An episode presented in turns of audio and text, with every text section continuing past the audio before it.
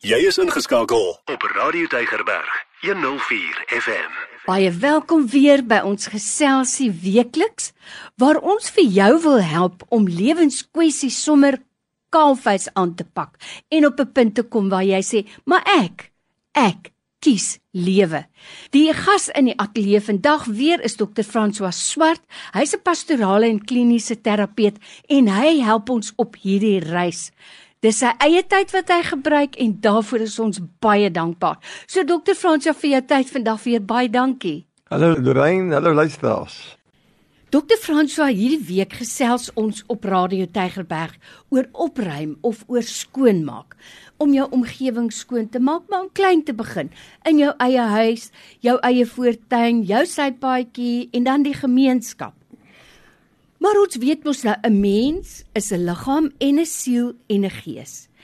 Nou het ek al baie gewonder, 'n mens se gedagtes, is dit ook nodig om soms daar 'n bietjie skoon te maak of te deklatter? En as dit nodig is, hoe doen 'n mens? Ek weet eers waar begin jy nie. Ja, nee, ek dink oh, dit is 'n belangrike ding. Ons moet weet dat uh, ons gedagtes bepaal eintlik grootendeels ons dag ons gevoelens, baie keer ons verhoudings. En daar's baie geskryf Lorraine oor gedagtes en hoe ons ons gemoed moet bestuur. Ek weet in die psigologie wêreld word daar gepraat van interferensie dat jy aan te veel goedes gelyktydig dink mm. en dan begin jy sommer goedes vergeet.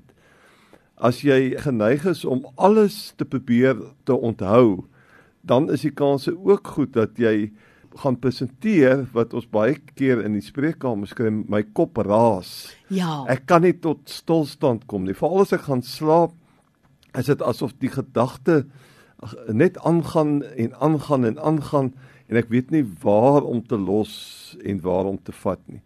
Dis die groot geheim met jou gedagtewêreld is dat jy sal weet ek moet bewuslik dink aan wat ek dink.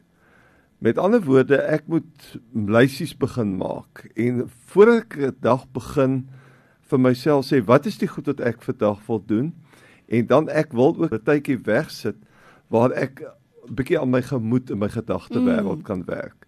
En daarom behoort jy 'n stil plek iewers in die huis te hê, 'n lekker gemaklike stoel, 'n lazy boy of iets soos daai waar jy jou voete bietjie kan uitskop en dan net jou oë so bietjie kan toemaak en net vir jouself basiese vrae vra.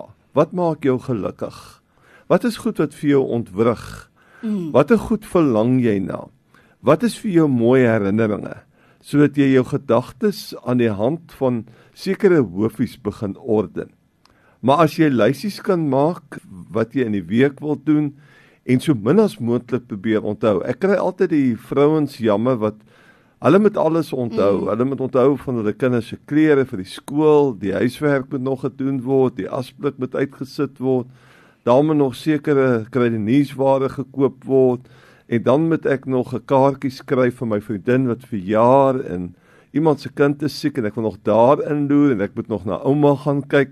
By ander woorde, ons vrouens is geneig om geweldige klomp goed in hulle koppe te hou waarna hulle graag wil aandag gee want hulle speel 'n geweldige rol ook in ons gesinslewe en familielewe en baie keer dis, dis die vrouens wat goed laat gebeur maar dit word moeilik vir hulle want uh, hulle probeer alles onthou en daarom is 'n dagboek so verskriklik mm. belangrik mm. waar jy jou lysies maak en nie te veel goed op 'n dag nie en werk sorgvuldig deur jou lysie en konsentreer op die lysie En dit is iets buitekant jou kop. Jy hoef dit nie onthou nie. Jy doen net wat die dagboek sê vir dag. En so kry jy orde in jou gedagtes. Nou by my in die ateljee vandag weer het ek vir dokter François Swart, hy's 'n pastorale en kliniese terapeut en ons praat die hele week oor opruim. Vandag om jou gedagtes te orden. Ek hou daarvan dokter François dat ons gereeld daaroor praat. Ons bestuur ons finansies, ons bestuur alles, maar ons moet leer om ook ons gemoed te bestuur. Dis vir my regtig belangrik. En dan in die nag lyk dinge mos altyd baie erger as in die dag.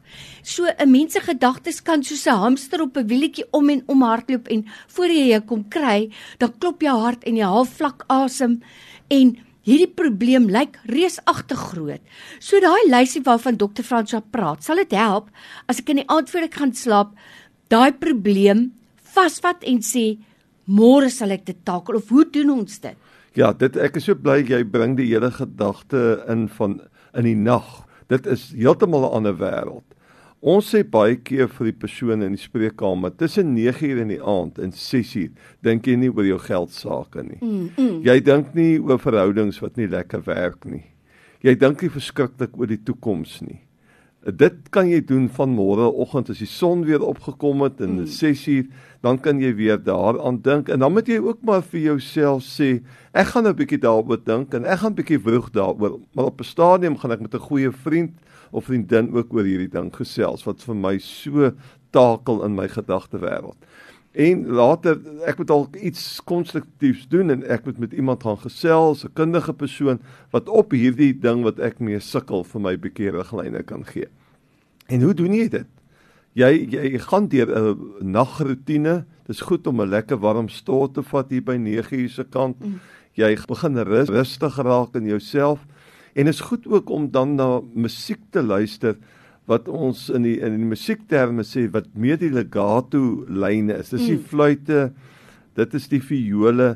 Dit is eintlik musiek wat nie lirieke in het nie. Mm. Dis uh instrumentele musiek wat eintlik sinkroniseer met jou breingolwe en sit dit saggies aan dom die ligte en moenie onnodig te laat televisie kyk veral nie hierdie skop skiet en slaan tipe goedes nie en misdaad wat jou mm. kan ontwrig nie kyk na 'n rustige natuurprogram luister daar deesdae op televisie kan jy pragtige natuur tonele sien mm. terwyl daar wonderlike musiek in die agtergrond speel dis die belangrike ding is om jouself af te wentel En as jy in die nag wakker word van 'n nagmerrie of so, dan is dit 'n 'n teken vir jou dat jy iemand moet gaan sien. Nagmerries is nie goed vir jou nie. Mm. Dit kan insomnia veroorsaak, slapeloosheid oor 'n baie lang tyd. En daarom ons moet ons nagrotines koester. Want as jy nie goed slaap nie, dan gaan jy teen die een slegte gedagtes hê die volgende dag want jy's moeg, jy's geïrriteerd. Baie keer praat die ouens van agitasie, jy raak gou-gou gefrustreerd jy's gou op jou perdjie mm. en so aan. En dan is dit toe te skryf aan die feit dat jy nie jou gedagtes tot orde kan roep veral in die nag nie. Want Lorraine dit is mos so, in die nag lyk alles donkerder. Ja, alles ja. lyk verskriklik mm. en daarom werk met jou donker gedagtes in die lig. En wanneer dit dag is, en ook net vir 'n rukkie en dan begin jy met ander mense ook daaroor praat. So dokter François, as ek kan saamvat, dan is dit vir my baie belangrik wat jy nou gesê het dat ons moet neerskryf ons gedagtes, ons moet dit orden, dit begin vir my by orde. En dan as ek in die nag wakker word en daai gedagtes wil kom wat ek vind wat vir my werk is, ek sal byvoorbeeld Psalm 23 opsê en dink aan die Psalm en dit oor en oor opsê en dan probeer om dit in Engels te onthou. Ag en voor ek dit kom kry dan breek die dag en ek is wakker.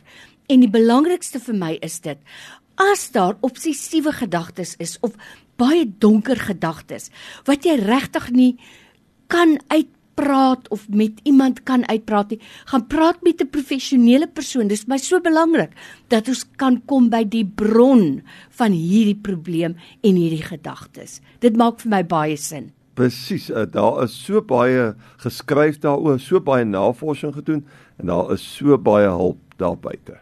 Altyd 'n voorreg en 'n plesier, baie dankie.